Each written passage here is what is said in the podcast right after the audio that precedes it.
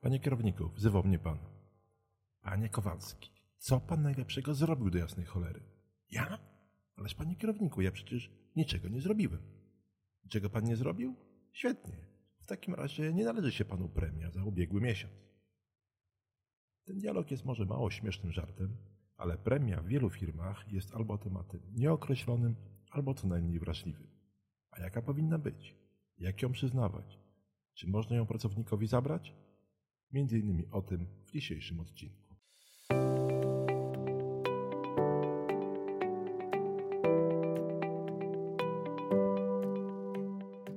To jest dziewiętnasty odcinek mojego autorskiego podcastu Jak być dobrym menedżerem. W tych audycjach staram się poruszać takie tematy, które są albo wcale, albo rzadko opisywane w książkach o zarządzaniu. Prawie nigdy nie porusza się też ich na żadnych szkoleniach. Odcinków można słuchać na Spotify, Apple Podcast i Google Podcast. Linki są w opisie. Zapraszam do słuchania, komentowania, subskrybowania, oceniania i udostępniania. A jeżeli ktoś chciałby mieć w ręku jakiś szerszy materiał pomocniczy, to zapraszam do zdobycia mojej pierwszej, jak na razie, książki o tym, jak być dobrym menedżerem. Wersja papierowa albo e-book są dostępne na mojej stronie hotelhotelmikecharlie.pl. Tam również można pobrać bezpłatny fragment i samemu ocenić, na ile treść książki jest interesująca. Zasadniczo premia w firmach ma charakter albo uznaniowy, albo wynikowy. Premia zwana uznaniową to patologiczna pozostałość minionego systemu ekonomicznego, w którym nie liczyła się motywacja pozytywna, ale zarządzanie przez strach.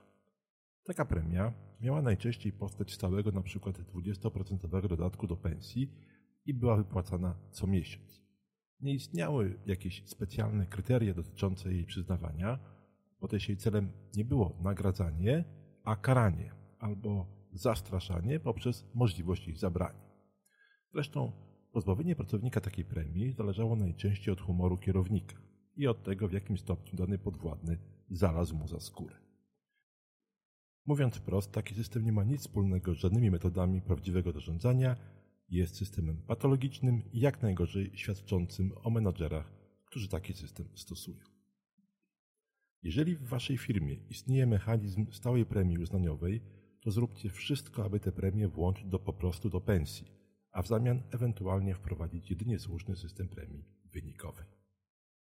Premia wynikowa, jak sama nazwa wskazuje, jest przyznawana za osiągnięcie jakichś efektów, które muszą być wcześniej określone.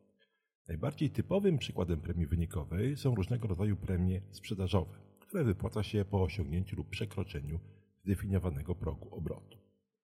Dobrze skonstruowany system premii może być bardzo silnym motywatorem, ale zbudowanie takiego systemu wcale nie jest łatwe.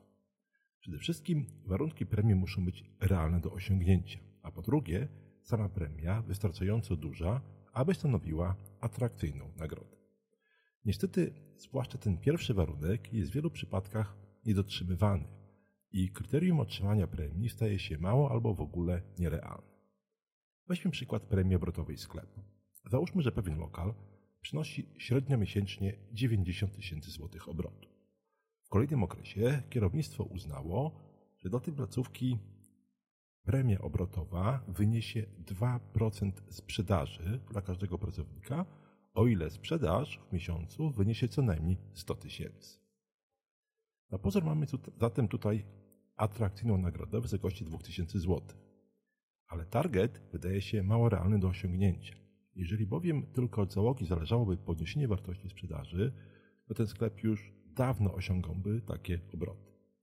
A zatem kierownictwo, nie dokonując żadnych zmian systemowych, staje na stanowisku, że samo wyznaczenie atrakcyjnej premii magiczny sposób spowoduje wzrost sprzedaży o ponad 10%.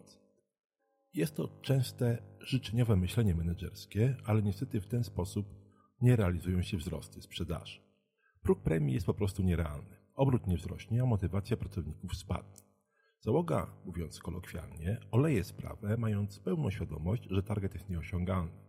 To spowoduje, że prawdopodobnie nawet średni poziom sprzedaży może nie zostać osiągnięty.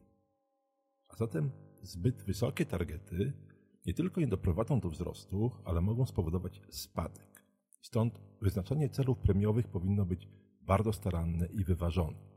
Najlepiej jest, jeżeli takie kryteria są w jakiś sposób negocjowane z pracownikami, ale w praktyce niestety zdarza się to bardzo rzadko.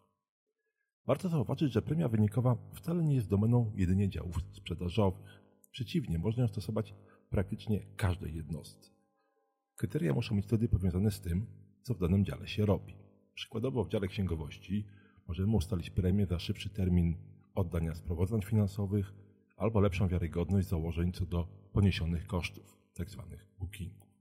W dziale IT możemy wprowadzić wskaźniki obsługi klienta lub średni czas rozwiązania problemu.